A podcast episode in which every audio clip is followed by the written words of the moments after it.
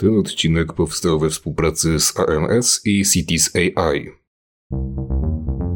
Cześć, nazywam się Damian Jemioło, a to jest podcast nowego marketingu. Znajdziesz tu rozmowy z najlepszymi ekspertami ze świata marketingu. Rozmowy, w których eksperci dzielą się swoimi historiami, wiedzą i doświadczeniem. Podcastu wysłuchasz na YouTube, Apple Podcast, Spotify czy Google Podcast. Śledź nasze treści na bieżąco po więcej ciekawych rozmów z ekspertami. Cześć, nazywam się Damian Jemioło i jestem dziennikarzem portalu nowymarketing.pl, a moimi gośćmi są dzisiaj Waldemar Kruk z AMS. Dzień dobry. I Robert Migas-Mazur z Cities AI. Dzień dobry Państwu. I dzisiaj będziemy sobie rozmawiać o branży out of home, bo macie tutaj różne ciekawe po prostu rozwiązania przygotowane dla, specjalnie dla tej branży i chciałbym tutaj zacząć od właśnie AMS, od Ciebie Waldku.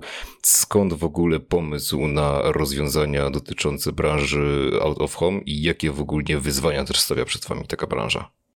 Największym wyzwaniem, które mamy jako branża jest sama specyfika outdooru, który e, jest medium jednym z czterech najważniejszych po telewizji, internecie, prasie, radio, czyli jednym z, pię z pięciu. Medium, które e, służy do prezentacji przekazu reklamowego. I o ile w przypadku radia i telewizji mamy do czynienia e, z kontentem redakcyjnym, to znaczy sięgamy jako, jako czytelnicy czy widzowie po dane medium ze względu na treści, które to medium przekazuje, Mhm. I jeżeli robimy na przykład badania widowni tych mediów, to pytamy o to, czy ktoś oglądał, czytał, e, czy słuchał e, danego medium, no to na tej podstawie możemy założyć, że również e, ma kontakt z reklamą. Czyli my jako odbiorcy danego przekazu mamy bardzo dużą świadomość tego, co, czego słuchamy, co oglądamy. W przypadku outdooru jest kłopot taki, kłopot i wyzwanie, że outdoor jest w 100% czystą formą reklamy. Nie ma tam kontentu. E, jest wyjątek, o którym będziemy dzisiaj mówić, e, który wchodzi powoli w ten obszar, ale co do zasady, taki outdoor tradycyjny, który znamy e, na zewnątrz, czyli billboardy, wielkie tablice reklamowe, plakaty na przystankach autobusowych, one są czystą formą reklamy. Gdybyśmy chcieli sprawdzić, jaka część populacji, mieszkańców danego miasta miała kontakt z, z daną kampanią reklamową, e, no to nie możemy pytać o to, czy ktoś widział nośnik reklamowy takiego formatu, nie wiem, metr na dwa metry, to jest format e, City Lightu przystankowego, na rogu ulicy Gagarina i innej. Dlatego, że my nie mamy świadomości, nie, nie, w ogóle nie zapamiętujemy takich rzeczy, byłoby to pytanie o takie, o takie kwestie byłoby dość absurdalne. W związku z czym branża out of home, jeżeli chce być zbadana tak jak inne media, bo to było największe wyzwanie dla nas, do, e, dostarczyć e, informacji o widowni outdooru w takim samym standardzie, jak e, dostarcza się te informacje z radia, prasy i telewizji.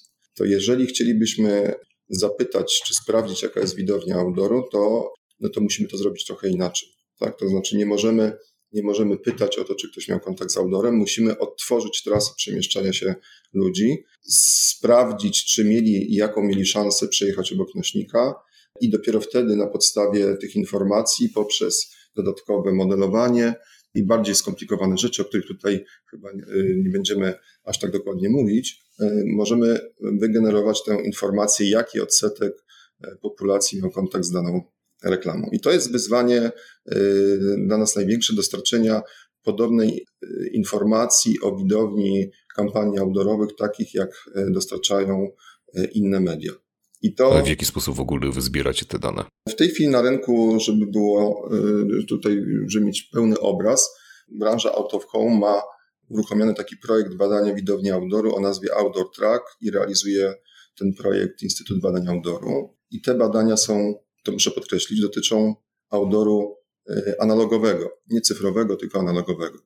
I, e, I te badania e, polegają na tym, że zbiera się informacje o natężeniu ruchu na każdej ulicy, o składzie tego natężenia, podziale na kierowców, pieszych, transport publiczny.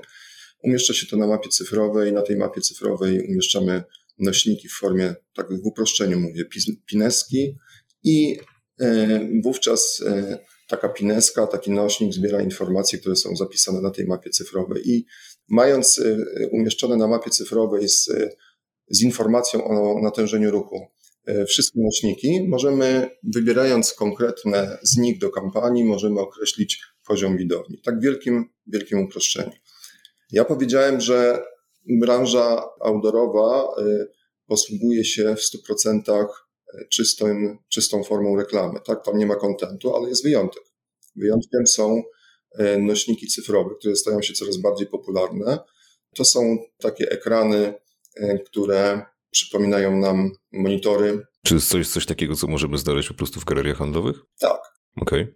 Tak, w galeriach handlowych one są najbardziej, najbardziej powszechne w tej chwili i na tych, e, ze względu na specyfikę tych nośników, ponieważ to, to są takie rozwiązania, które my nazywamy e, rozwiązaniami z kategorii smart, czyli takich inteligentnych, sprytnych.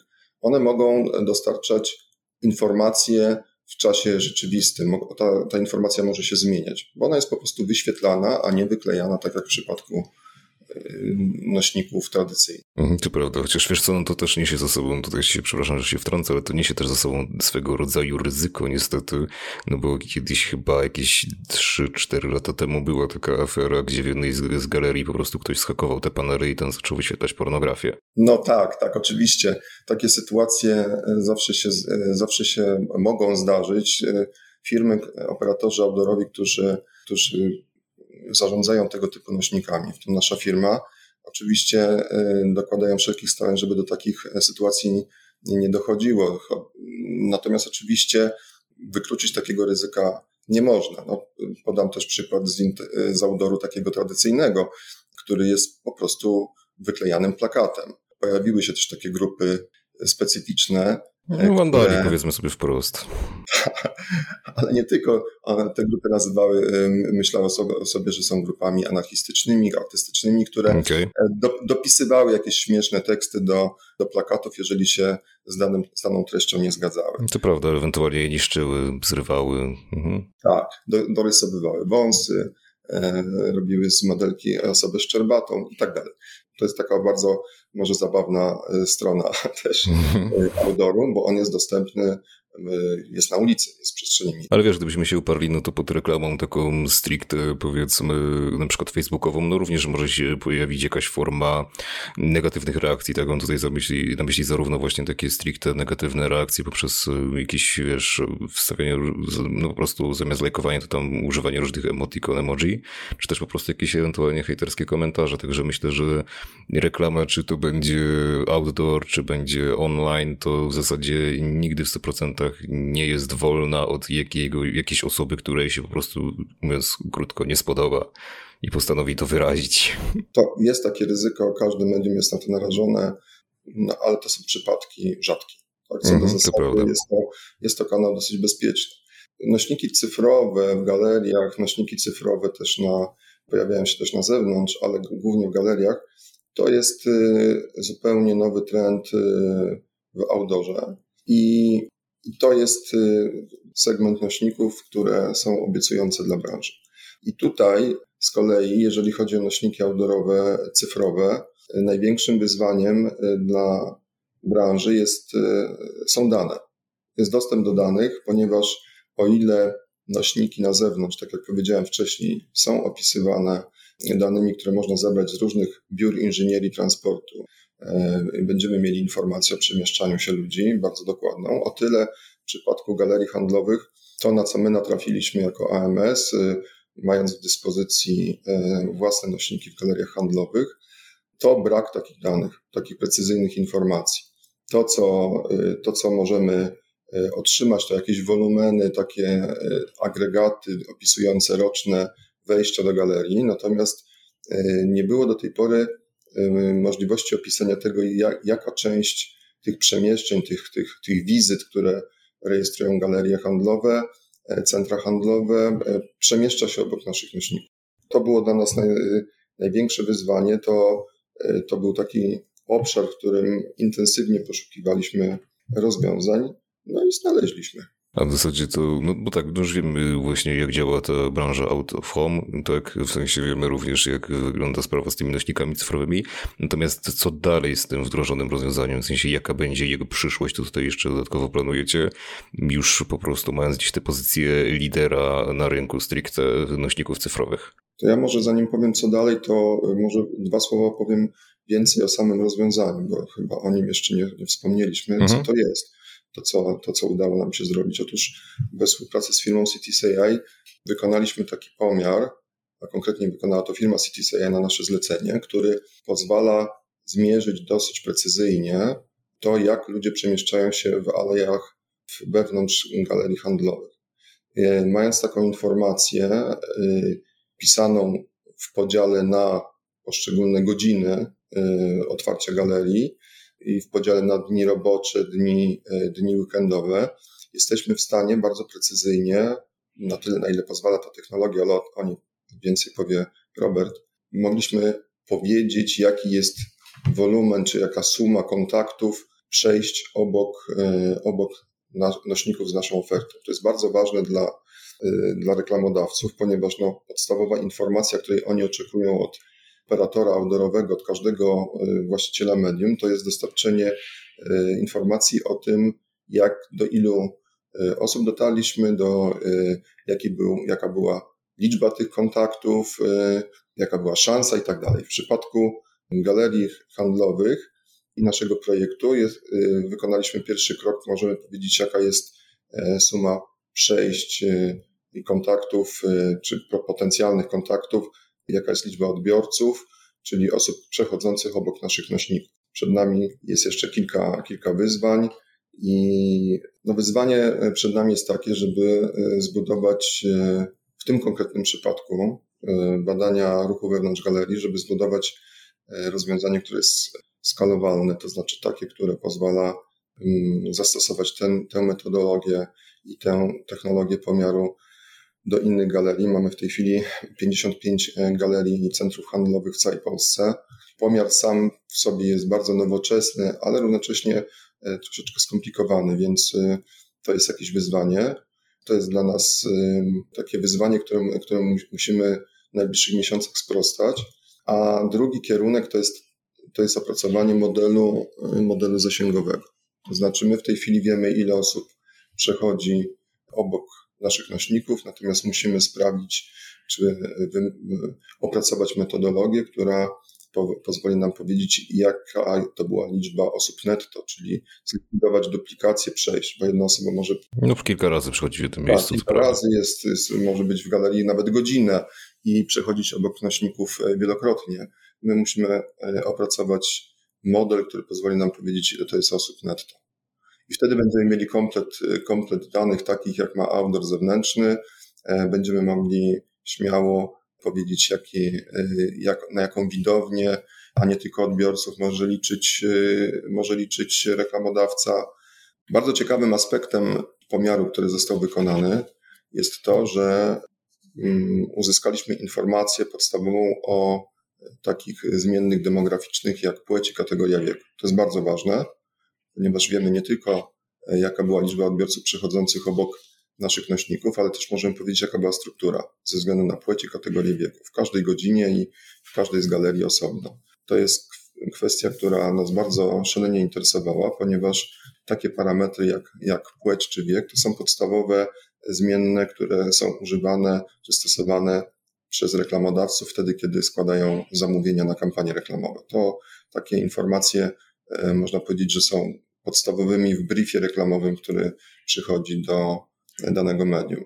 I sam fakt, że my mamy w tej chwili dzięki CTCI mamy e, pomiar zrobiony w każdej galerii, e, którą mierzyliśmy osobno, e, w podziale na godzinę i w podziale na płeć i kategorię wieku, pozwala myśleć o naszych systemach indoorowych w takim kontekście, w takim teraz modnym, ostatnio, czyli w kontekście e, zakupu programatycznego, czyli takiego automatycznego, który jest stosowany w internecie, gdzie wybór reklamy w danym miejscu, ja dla przykładu powiem, e, podam taki przykład, jeżeli mamy stronę internetową, jakąś witrynę i jesteśmy użytkownikiem, który jest mężczyzną w wieku 20-25 lat na przykład i wchodzimy na, na portal na przykład gazeta.pl, to w momencie ładowania tej strony, wtedy kiedy wpisujemy adres i klikamy, e, aby się ta strona wczytała, w ciągu e, tam to w czasie liczonym w milisekundach następuje informacja taka, ponieważ nasz komputer rejestruje nasz IP i zna nasze, e, nasze zwyczaje, to ta informacja idzie do serwera, który dysponuje takimi danymi, na przykład to jest serwer gazety.pl, ona informuje potencjalnego reklamodawcę, że tutaj za chwilę tę stronę odpali e, mężczyzna w wieku 20-25 lat i czy jest ktoś zainteresowany umieszczeniem reklamy dedykowanej do, dla tego odbiorcy. I wówczas z serwera automatycznie wklejana jest e, reklama w postaci różnej, tam baneru małego, dużego. My, jako użytkownicy, nawet nie mamy świadomości, że od momentu wpisania adresu do, do, e, i wciśnięcia Enter do wyświetlenia reklamy nastąpiła jakaś transakcja. Ale ona nastąpiła i, e, i to się właśnie nazywa zakupem programatycznym, ponieważ robią to w zasadzie można powiedzieć automaty na podstawie wcześniej zdefiniowanych kryteriów potencjalnego odbiorcy. I to jest możliwe w internecie, dlatego że internet jest y, online, mhm. można to zrobić, ale właśnie e, bardzo, na bardzo podobnej zasadzie może też działać e, system nośników indoorowych, cyfrowych które też są przecież w sieci internetowej, tam też jest wyświetlany, e, wyświetlany e, obraz. I oczywiście w innej formie, nie takiej jak, e, jak w internecie, no bo jeden ekran jest widziany przez wiele osób. W przypadku indooru, w przypadku internetu mamy kontakt jeden na jeden. Ale można już na przykład zlecać, wyobrazić sobie taką sytuację, że zlecamy kampanię, która jest profilowana pod konkretną płeć i kategorię wieku i wybieramy na przykład galerie, które bardziej od średniej odbiegają w górę pod tym względem. Prawda? Możemy sobie coś takiego wyobrazić, albo możemy wybrać sobie konkretne godziny, w których e, dany przekaz ma być wyświetlany, ponieważ akurat w tych godzinach jest, większy, jest przewaga danej grupy celowej. I, I wówczas idzie automatycznie, e, wyświetlany jest na tych nośnikach, idzie taki komunikat, który jest skierowany wyłącznie do tej grupy celowej. No więc e, perspektywa programatycznego zakupu czy programatycznej sprzedaży jest bardzo atrakcyjna, ponieważ to jest taki trend, który zaczyna dominować y, branży reklamowej w internecie, w mediach w ogóle takich e, cyfrowych. Natomiast, żeby to w ogóle było możliwe, musimy mieć dane. No i te dane właśnie zaczynamy zbierać. To jest pierwszy krok, który wykonaliśmy z, z firmą CTCA. I tutaj właśnie bym chciał do Ciebie przejść, Robercie, bo też będziemy jeszcze za chwileczkę, za chwileczkę rozmawiać o tych rozwiązaniach tak szerzej, natomiast chciałbym, żebyś zarysował nam właśnie czym jest w zasadzie Cities AI i jak działa Wasza firma i co w zasadzie oferuje. No może opowiem no, w ogóle skąd pomysł na firmę i jak, jakie były nasze początki. No w ogóle to jest tak, że um, komputery i rzeczywistość jest taka, że dość szybko są w stanie różne operacje matematyczne wykonywać, natomiast nie radziły sobie z tak y, banalnymi rzeczami, które taki dwulatek nawet potrafi rozpoznać osobę. Do, do niedawna jeszcze komputery nie potrafiły rozpoznać osobę na zdjęciu, czy... No to prawda. Zresztą mieliśmy wiele afer z tym związanych, prawda, gdzie tam na przykład niejednokrotnie ludzi o odmiennym kolorze skóry niż biały też był problem z rozpoznawaniem ich w ogóle jako ludzi, niestety. Że to jest faktycznie szeroki problem bardzo, przynajmniej był. Tak, i, i tu właśnie z, z grupą ludzi, e, które e, mają zresztą doświadczenie z Gemiusa, czyli też z, z firmy, która dostarczała dane statystyczne e, odnośnie widowni dla internetu, która nadal dostarcza. Prawda. Mhm. Z, założyciele firmy postanowili połączyć z jednej strony tą wiedzę statystyczną i dostarczanie danych dla biznesu i właśnie dla firm reklamowych, jak również chcieli włożyć tą cegiełkę w ten wyścig e, sztucznej inteligencji i computer vision, czyli w rozpoznawanie ludzi i innych obiektów. Mm, jest oczywiście szereg startupów i biznesów, które się tym zajmują, natomiast wydaje mi się, że E, że nasza firma jako jedyna tak łączy te dwie różne dziedziny, jakim jest computer vision, ale też właśnie ta silna noga statystyczna i analityczna. Pomysł był taki, żeby przy pomocy dużej liczby zdjęć, e, w Warszawie wykonujemy ich pół miliona dziennie, rozpoznawać e, obiekty, czyli ludzi, ale również pojazdy, autobusy i nośniki reklamowe, jak zarówno te duże, jak i te małe przy przystanku i przy pomocy dużej liczby zdjęć dużej liczby danych dostarczać dane dla biznesu. I, i tak już pracujemy od 2019 roku, także już mija nam trzeci rok. Pozyskaliśmy różnych inwestorów, pozyskaliśmy również wsparcie NCBR-u, czyli państwowych funduszy e, na rozwój biznesu i teraz pozyskujemy pierwszych klientów, także e, myślę, że jesteśmy na dobrej drodze, a, a współpraca z AMS to jest w ogóle szczyt naszych marzeń, jaki, jaki wystawialiśmy rok temu. Także e, to może o nas chwilę i mogę przejść już do, do tego, jak powstał ten produkt, o którym mówił e, pan Waldemar wcześniej. Myślę, że o tym też właśnie za chwileczkę porozmawiamy, ale ja bym chciał w takim razie, żebyś szerzej zarysował, jak w ogóle zaczęła się wasza współpraca z AMS i, i w zasadzie kto wyszedł tutaj z inicjatywą żebyś po prostu mi to zarysował, tym bardziej, że mówisz, że to jest do was spełnienie marzeń w zasadzie, także chciałbym wiedzieć, jak to właśnie to wyglądało i skąd się to wszystko wzięło i jak się narodziło. Tak, to znaczy y, zaczęło się od tego, że, że my zaczęliśmy mierzyć ruch pieszych w mieście i w Warszawie i w aglomeracji warszawskiej mieliśmy dane od 2020 roku, zarejestrowaliśmy całą pandemię, Zazwyczaj y, mieliśmy rozmowę i z AMS-em, ale też z konkurentami, z Clear Channel, z Sztoroerem na temat naszych rozwiązań, ale ponieważ oni mają system Outdoor Track, także jakoś tak się odbijaliśmy i, i nie widzieliśmy na razie wspólnego biznesu. Natomiast y, nasze dane są bardzo ciekawe dla retailu, czyli dla wszystkiego rodzaju y, sieci sklepów, sieci kawiarni, sieci restauracji, bo dzięki nim lepiej wiedzą, gdzie, gdzie postawić kolejny punkt gdzie otworzyć sklep, albo jak długo powinien być otwarty, czy nie za wcześnie, czy nie za późno. No ale też od nich usłyszeliśmy, że bardzo fajne macie dane, ale my jednak połowę tych e, lokalizacji mamy w galeriach handlowych, a tam nie jesteście. No i zaczęliśmy myśleć, co z tym zrobić. I e, tak wymyśliliśmy mm, rozwiązanie, żeby zacząć mierzyć ruch wewnątrz galerii handlowych. Nie tylko ile osób wchodzi do środka, ale też ile przemieszcza się w każdej alejce, ile wchodzi na pierwsze piętro, ile wchodzi na drugie piętro, ile wchodzi do food courtu, w jakich godzinach wchodzą.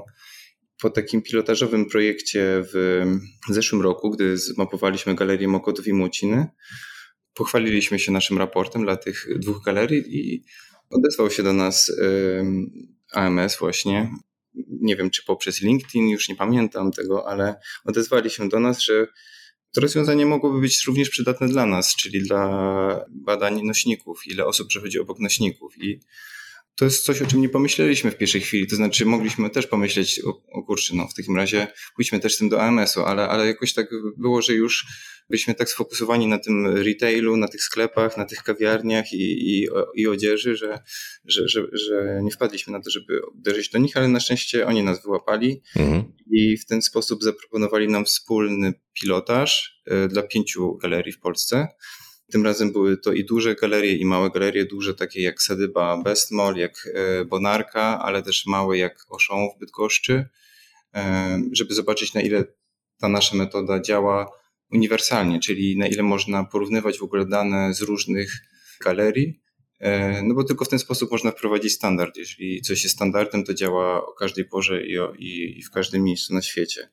Mówiliśmy się na taki dwutygodniowy pomiar przed zrealizowanym tuż przed świętami 2021, czyli w grudniu, w takim szale przedzakupowym. I e, zebraliśmy te dane. Po jakichś kilku tygodniach wspólnej pracy y, uzyskaliśmy optymalną, nam się wydaje, metodologię mierzenia tych przejść wokół nośników. To znaczy, myśmy stworzyli takie mapy ciepła dla każdego piętra, dla każdego korytarza. No i z tymi mapami ciepła zaczęliśmy kombinować, czy tutaj 10 metrów wystarczy odnośnika, czy 15. No i taką metodą e, takiego odbijania się między AMS a CDCI doszliśmy do takiego kompromisowego rozwiązania, że 15 metrów to będzie ta odległość, z której zaczynamy widzieć nośnik i zaliczać ludzi, którzy przeszli wokół nośnika do widowni. Natomiast też ważnym aspektem naszej metodologii jest to, że nie tylko rozpoznajemy ludzi i tą demografię, o której wspominaliśmy wcześniej, ale też y, odległość tych osób i pozycję tych osób. Dzięki temu właśnie możemy precyzyjnie zmierzyć, jak daleko od nośnika stała ta osoba, bo bez, bez tego to trudno byłoby mówić o tym, że powiedzmy tego dnia przeszło 2000 osób wokół nośnika w tej części alejki, a, a na drugim piętrze już było to 500 osób. I I uzyskaliśmy taką metodologię, którą wydaje mi się, że śmiało możemy przenieść do innych galerii w Polsce i, i zmierzyć w dowolnym czasie widownie w różnych miastach w Polsce.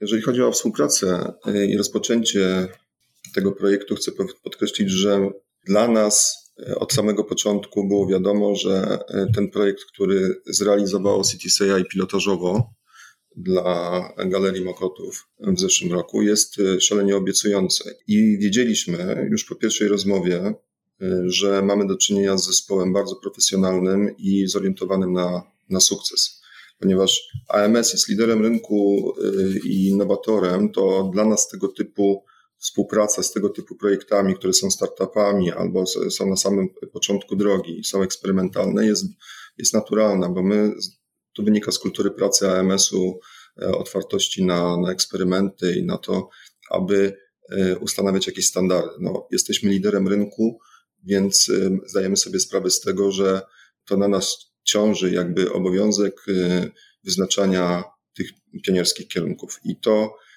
i to nam się udało i wyniki, które uzyskaliśmy z tych pięciu galerii, które mierzone były w grudniu, potwierdziły naszą intuicję słuszną. Dzięki współpracy z Cities AI uzyskaliśmy bardzo precyzyjną wiedzę o liczbie przejść wokół nośników indorowych, cyfrowych nośników indorowych AMS-u i jako e, pierwsi na rynku możemy pochwalić się takimi informacjami w podziale na godzinę, w podziale na e, kategorię wieku i w podziale na płeć.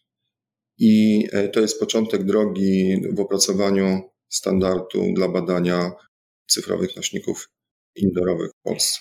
To w takim razie, Robercie, powiedz nam, jak dokładnie stworzyliście to rozwiązanie, którym operujecie i co tutaj ma też właśnie ta sztuczna inteligencja do tego wszystkiego, jak się ona na tym opiera?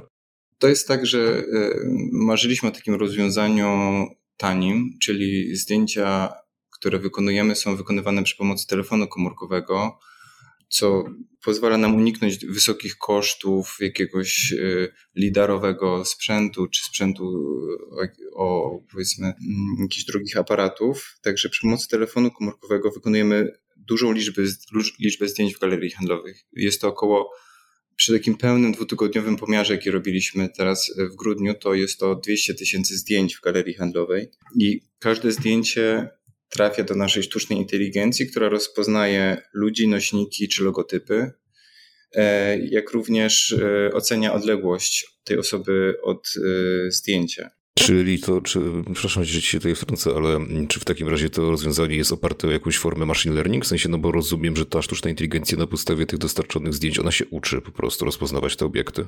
Tak, tak. No i to jest właśnie też e, coś, co sami wypracowaliśmy, czyli mamy własną sieć neuronową, własną architekturę, jak również własną bazę zdjęć skategoryzowanych samodzielnie, czyli mhm. mamy osoby zatrudnione, które muszą skategoryzować, czy to jest człowiek, e, zaznaczyć go na zdjęciu, czy ten człowiek to jest kobieta, czy to mężczyzna, czy w jakim jest wieku, czy teraz stoi, czy siedzi, czy, e, czy jedzie na rowerze.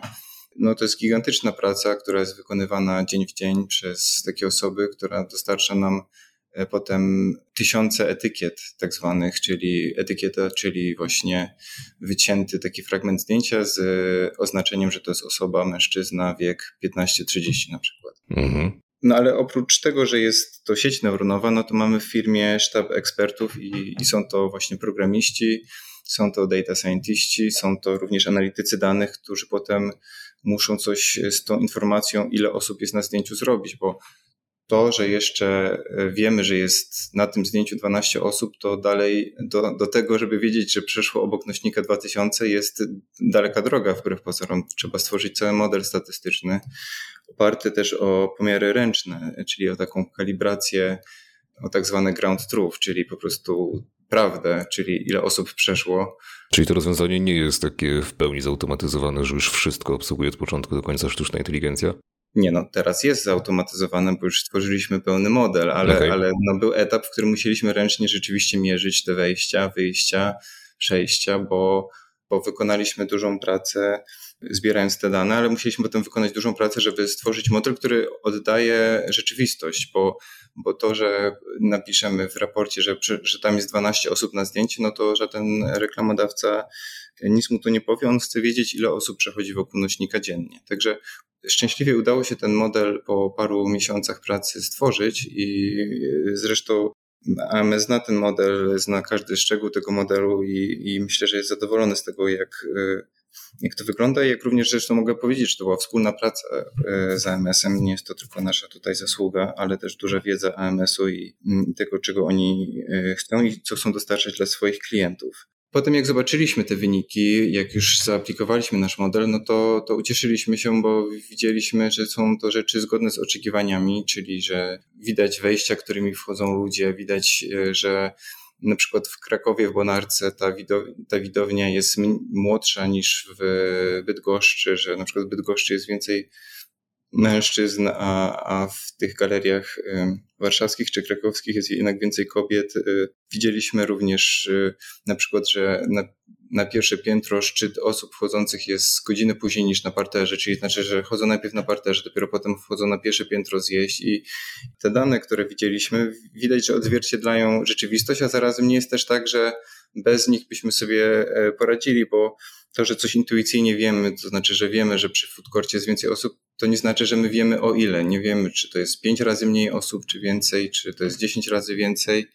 My też y, mieliśmy doświadczenia z innymi firmami, które nam dostarczały dane o galeriach handlowych i po tym, jak zderzyliśmy je z rzeczywistością, z naszymi pomiarami ręcznymi, to, to się okazywało, że, że te błędy są dziesięciokrotne, czyli że podawali na przykład 10 razy mniej osób niż, niż my policzyliśmy ręcznie po prostu, klikając y, w telefon, ile osób przechodzi. Także no jestem zadowolony z tego, z tego rozwiązania. Natomiast, tak jak wspomnieliśmy wcześniej, wciąż jeszcze jest dużo do zrobienia. Chcemy nie dość, że poprawiać precyzję, czyli jeszcze wiedzieć dokładnie, gdzie, gdzie te osoby stoją, to chcemy y, liczyć zasięg, czyli ile osób unikalnych przechodzi wokół nośników i jeżeli przeszła koło nośniku pierwszego, to żeby już potem do drugiego nie, nie wliczać. I to jest duże wyzwanie. Mamy parę pomysłów, y, zarówno statystycznych, jak i takich technologicznych wręcz. Natomiast y, jest jeszcze za wcześnie, żeby o tym mówić. E, ale tak, no nas bardzo ekscytuje taka, taka tutaj y, wizja współpracy i dostarczania nowego standardu do mierzenia reklam wewnątrz budynku. Mnie też ciekawi i to jest pytanie w zasadzie do was e, obu. Co myślicie o w ogóle przyszłości takiej reklamy wielkoformatowej? To znaczy, czy ona mogłaby być zastąpiona z powodzeniem przez takie cyfrowe nośniki? No bo teraz w momencie, w którym my gdzieś po prostu stawiamy sobie billboard, załóżmy, że to niech będzie nawet i centrum Warszawy, teraz, że to jest e, bardzo drogie, to nie ma co ukrywać. Dwa, żeby tak naprawdę, no owszem, budujemy jaką, jakiś zasięg taki świadomościowy, natomiast tak naprawdę poprzez sam billboard niekoniecznie niekoniecznie wiemy, do kogo on może trafić, do kogo on faktycznie trafia. Tutaj mamy mimo wszystko większe formy takiej personalizacji. Pytanie, czy właśnie takie cyfrowe nośniki, gdzie obsługiwane przez sztuczną inteligencję, wyprą po prostu z czasem te billboardy i te reklamy ogólnie taką wielkoformatową. Takie statyczne bardzo nośniki. Ja powiem, bo to jest temat, którym się na co dzień zajmuję. Okay. Czyli badaniami e, outdooru, widowni outdooru. Najpierw powiem może o tym, że ten, jak nazwałeś, outdoor wielki, duży, billboardy, czyli to wszystko e, e, out of home, które jest na zewnątrz, jest już mierzony dzisiaj, tak jak powiedziałem na początku, projektem e, Outdoor Track i tam też mamy możliwość powiedzenia, jak ta widownia kampanii wyglądała, to znaczy jaka, jaka była wielkość, os liczba osób, która przyjeżdżała koło nośników w ciągu miesiąca, dziennie, i jak ona się dzieli na takie podstawowe grupy demograficzne, czyli płci, kategorii wieku. To takie informacje już outdoor ten zewnętrzny ma. No ale teraz pytanie, y, które zadałeś, było takie, czy może być y, zastąpione przez outdoor cyfrowy. Mhm. Technicznie, czy w perspektywie tak prostu y, czysto statystycznie pewnie, że może, bo wystarczy jak zniknie outdoor zewnętrzny, y, ten taki stacjonarny, analogowy, a pojawią się cyfrowe. To jest oczywiście założenie y, troszeczkę mało prawdopodobne, ale... ale Wiesz co, no ja bym się kłócił, że takie mało prawdopodobne, no bo w coraz większej ilości miast wchodzą ustawy krajobrazowe, chociażby, zwłaszcza jeśli chodzi o takie ścisłe centrum, jakieś storówki i tak dalej, gdzieś ten outdoor, te takie billboardy po prostu znikają z tej przestrzeni miejskiej. Tak, to prawda. Są, są regulacje poszczególnych y, y, miast, które nawiązują do ustawy krajobrazowej, ale chcę powiedzieć, że one dotyczą regulacji outdooru, outdooru w mieście, a nie likwidacji outdooru. Mhm. W związku z czym oczywiście y, AMS od lat jest zwolennikiem regulacji i ustalenia jasnych zasad, na jakich branża out of home ma funkcjonować i oczywiście tam, gdzie jest to możliwe, współpracujemy i dostarczamy argumentów na rzecz outdoor systemowego, takiego uporządkowanego, który w minimalnym stopniu ingeruje w krajobraz. Taka ciekawostka, bo na, na co dzień się o tym nie mówi, ale jeżeli są przeprowadzane jakieś badania postrzegania czy outdooru i innych mediów, zadaje się takie pytanie, w jakich mediach najbardziej e, e, irytuje reklama, to outdoor wcale nie jest na pierwszym miejscu, a wręcz przeciwnie, jest na przedostatnim lub ostatnim. Albo to jest kino, albo outdoor. Natomiast pierwsze miejsce zwykle zajmuje internet. Okay. A jak zapytamy ludzi e, z kolei w, w, takich sondażach, co im najbardziej w mieście przeszkadza, to wcale nie reklama zewnętrzna, tylko na przykład brudne ulice, przepełnione śmietniki czy psie odchody. To jest coś, co, e, co pokazuje jakby w, w jakim na jakim miejscu znajduje się, jeżeli chodzi o poziom irytacji, reklama zewnętrzna. Ale teraz wracając do Twojego pytania, czy może być zastąpione? Ja uważam, że e, rozwiązanie e, optymalne jest inne, to znaczy outdoor może być uzupełniony czy poszerzony o taką grupę nośników i jak sobie zaobserwujemy kraje zachodnie, które są pod tym względem e, przed nami, Stany Zjednoczone, Wielką Brytanię, no to widzimy ewidentnie, że nośniki cyfrowe są bardzo obiecujące dla branży, ponieważ e, przychody z, z tych nośników rosną. I e, bardzo często pokazywane są takie wykresy, które ilustrują, że branża out of home będzie się rozwijać.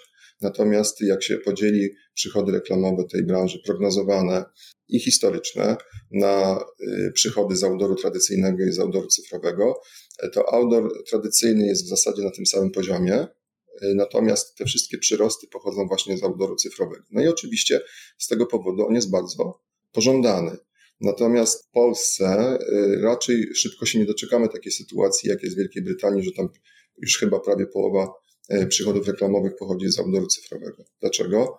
Dlatego, że właśnie wymieniłeś jedną z kwestii, czyli uchwały krajobrazowe i, e, i sytuację, w której outdoor cyfrowy natrafia na taką podstawową przeszkodę, czyli brak akceptacji czy zgody przez urzędników miejskich na to, aby można było takie nośniki stawiać na zewnątrz.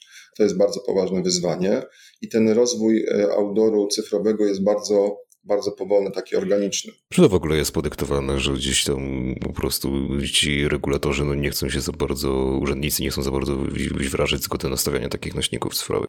To są różne motywacje. To po prostu pierwsza jedna jest taka, że E, skoro likwidujemy w jakimś miejscu nośniki e, outdoorowe albo zmniejszamy ich liczbę, no to nie chcemy mieć e, nowych, nawet jeżeli to są nowoczesne ekrany. Drugi argument jest taki, że no tam jest obraz ruchomy, on może wpływać na bezpieczeństwo ruchu drogowego. Są badania wykonane już kilka na świecie, które pokazują, że E, że to się nie potwierdza. No to w takim razie to Hongkong czy Tokio to by musiały być w ogóle wręcz zawalone od, w cudzysłowie od wypadków samochodowych. No właśnie, właśnie. Ja uczestniczyłem w takiej konferencji na temat bezpieczeństwa ruchu drogowego, gdzie omawiano tę kwestię i zaproponowałem osobie, która twierdziła, że outdoor e, wpływa na poziom wypadków drogowych, abyśmy zrobili test i wybrali sobie losowe odcinki, gdzie są nośniki w dużym zagęszczeniu i w, mniejszym i sprawdzili e, statystyki wypadków, ale ta osoba e, nie miała e, ochoty tego eksperymentu, tej analizy wykonać.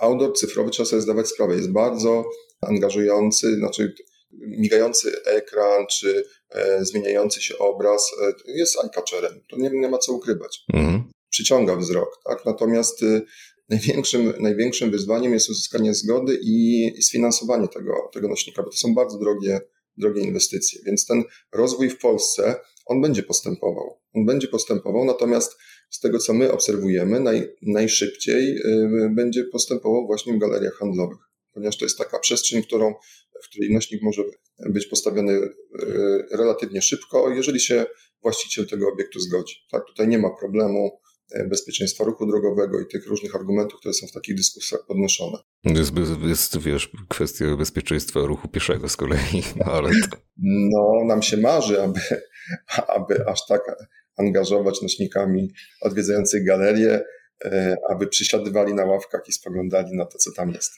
Mhm, tak zupełnie szczerze, to ja tej jedyne jakie zagrożenie bym dostrzegał, to to jest ewentualnie jakaś reakcja epileptyczna, tak? Na przykład gdyby ktoś miał, załóżmy, padaczkę, bądź był wrażliwy na jakieś szczególnie mocno wyraziste barwy, światła i tak dalej, to myślę, że prędzej to by mogło spowodować e, jakieś nieszczęście niż tak naprawdę właśnie mm, zagrożenie w ruchu drogowym, czy to, że ktoś się za bardzo zapatrzy na reklamę i po prostu, nie wiem, potrąci drugą osobę, uderzy się w coś, czy cokolwiek takiego. No tutaj y, akurat dbamy, aby tego typu y, przekazy y, nie były wyświetlane. Mamy jakieś swoje zasady wewnętrzne, takie e, best practices, jeśli chodzi o, o e, projekty, które są wyświetlane na, e, na nośnikach cyfrowych, także tutaj te, te kwestie myślę, że nie będą miały miejsca. To się mm. raczej nie zdarzy. Szybciej w dyskotekach. I do Ciebie miałbym, Robercie, już takie ostatnie pytanie, bo mnie bardzo ciekawią te możliwości personalizacyjne i ich ogólnie rozwój właśnie i przyszłość, bo one już teraz, już teraz w tym rozwiązaniu wydają się być bardzo, stać na po prostu bardzo wysokim poziomie. Natomiast mnie ciekawi, jak ta personalizacja może być dalej posunięta i tutaj się posłużę takim dosyć szalonym w zasadzie przykładem, ale bardzo mnie ciekawi, czy widzisz też i w tym potencjał. Przyjrzymy się różnym filmom science fiction czy cyberpunkowym, takim jak chociażby Blade Runner, no to tam mamy interaktywne wręcz reklamy outdoorowe, to znaczy na przykład hologramy, które do nas bezpośrednio mówią i jakby stricte mm, zwracają się, potrafią się nawet zwracać do nas z imienia i nazwiska i po prostu jakby do, dobrze te nasze potrzeby znają. No to już jest troszeczkę taka, taki kierunek w stronę inwigilacji, wręcz bym powiedział lekko, ale właśnie jak te możliwości personalizacyjne mogą być posunięte? Czy, ta, czy taka, taki cyfrowy nośnik w przyszłości byłby w stanie jeszcze lepiej personalizować moje potrzeby i zwracać się tak w cudzysłowie jeszcze bardziej do mnie, do mnie konkretnie? No to jest ciekawe pytanie. No oprócz też Blade Runnera mamy też y, serial Black Mirror, prawda? I to też. No. jest też duża presja, którą myślę, że, że możemy zrozumieć przed, mm, związaną z ochroną danych osobowych i my jako firma CTCI jesteśmy tutaj bardzo czuli na tym punkcie i nie chcielibyśmy rozpoznawać na przykład twarzy albo, albo takich rzeczy, które pozwolą unikalne osoby wydobywać. Raczej właśnie interesuje nas duża próba statystyczna. Mhm. I to też jest ciekawe, no bo jeżeli chodzi o, o wyświetlanie reklam, no to mm, Wydaje się, że bez takiego rozwiązania typu okulary, y, nad którymi pracuje firma Meta, czyli Facebook, albo kiedyś Google. Masz na myśli okulary do wirtualnej i rozszerzonej rzeczywistości. Tak, no mhm. myślę, że bez takiego czegoś nie będzie się dało spersonalizować, bo jednak będziemy zawsze mieli w galerii handlowej do czynienia z dużym przepływem osób i trzeba będzie znaleźć taką reklamę, reklamę, która zadowoli ten target tych tysiąca osób na godzinę, różnych jednak, pewnie jakiejś preferencji e, wspólnej albo o pewnej strukturze demograficznej, natomiast e, no, żeby tak unikatowo komuś wyświetlić reklamę, to rzeczywiście będą te okulary potrzebne chyba, e, albo chipy, albo coś innego, które będą też po stronie tej osoby, która przychodzi, a nie tylko nośnika cyfrowego. Czy tego byśmy chcieli? Są różne badania. Myślę, że, że część osób mm, nie lubi się udostępniać swoich preferencji, a część osób y, lubi. I myślę, że taka jest przyszłość, że, że prawdopodobnie będziemy mieli ten wybór, czy chcemy. Znaczy, jeśli są badania na przykład dotyczące zatek, to w zasadzie one w większości wskazują, to mam na myśli te najmłodsze właśnie pokolenia, generacje, które obecnie już właśnie wchodzą w tę fazę dorosłości, niektórzy już są dorośli, no to faktycznie mm, oni gdzieś tej personalizacji pożądają. Znaczy, nie chcą Dokładnie. mieć reklam, które są skierowane do każdego i do nikogo jednocześnie. No tak, tak, tak, no dokładnie, no ale też no to jest w ogóle trudny temat, bo, bo, bo potem się potem pojawiają jakieś kwestie tego, czy już, czy już nie zbyt silna ta reklama i tak dalej, więc myślę, że, że cały czas ludzie będą mieli ten wybór, czy chcą mieć tą personalizację, czy nie chcą mieć, no jak się wyłącza tą personalizację, to się właśnie dostaje reklamy, które, i tak się dostaje te reklamy, tylko się dostaje reklamy, których się nie chce oglądać, więc no to prawda. E, więc e, myślę, że to będzie szło w tą, w tą stronę personalizacji i, i rzeczywiście to byłoby pewnie z punktu widzenia reklamodawców najlepsze rozwiązanie, że, że osoba dostaje w pełni spersonalizowaną reklamę. E, no i też pytanie będzie o jakość tej personalizacji, czy rzeczywiście ja powiem może taką anegdotkę. Byłem teraz wolontariuszem na dworcu centralnym w związku z tym kryzysem uchodźczym Mhm. Pracowałem w magazynie i przez miesiąc pracowaliśmy w magazynie, gdzie dostarczaliśmy, e, no tam składowaliśmy różne jedzenie, składowaliśmy odzież i tak dalej. Po tym miesiącu e, wszyscy dostajemy reklamy cały czas, jakichś wózków widłowych i tak dalej. I mm, no na razie ten etap personalizacji wydaje mi się taki bardzo naiwny i taki bardzo e, słaby. I natomiast wierzę w to, że, że z czasem to się zmieni i wierzę w to, że rzeczywiście ta reklama będzie bardzo spersonalizowana i z korzyścią dla nas wszystkich po prostu. Cóż, to ja Wam bardzo dziękuję w takim razie za rozmowę i za podzielenie się tym, jak się zmienia ten świat branży out of home, outdoor i ogólnie nośników cyfrowych. I życzę oczywiście powodzenia w rozwijaniu tej technologii i w ogóle w Waszej współpracy również. Dobrze, dziękujemy bardzo. Dziękujemy bardzo. Ze mną był Waldemar Kruk z AMS i Robert Miga z Mazur Cities AI, a Was wszystkich zapraszam na nowymarketing.pl. Trzymajcie się i cześć.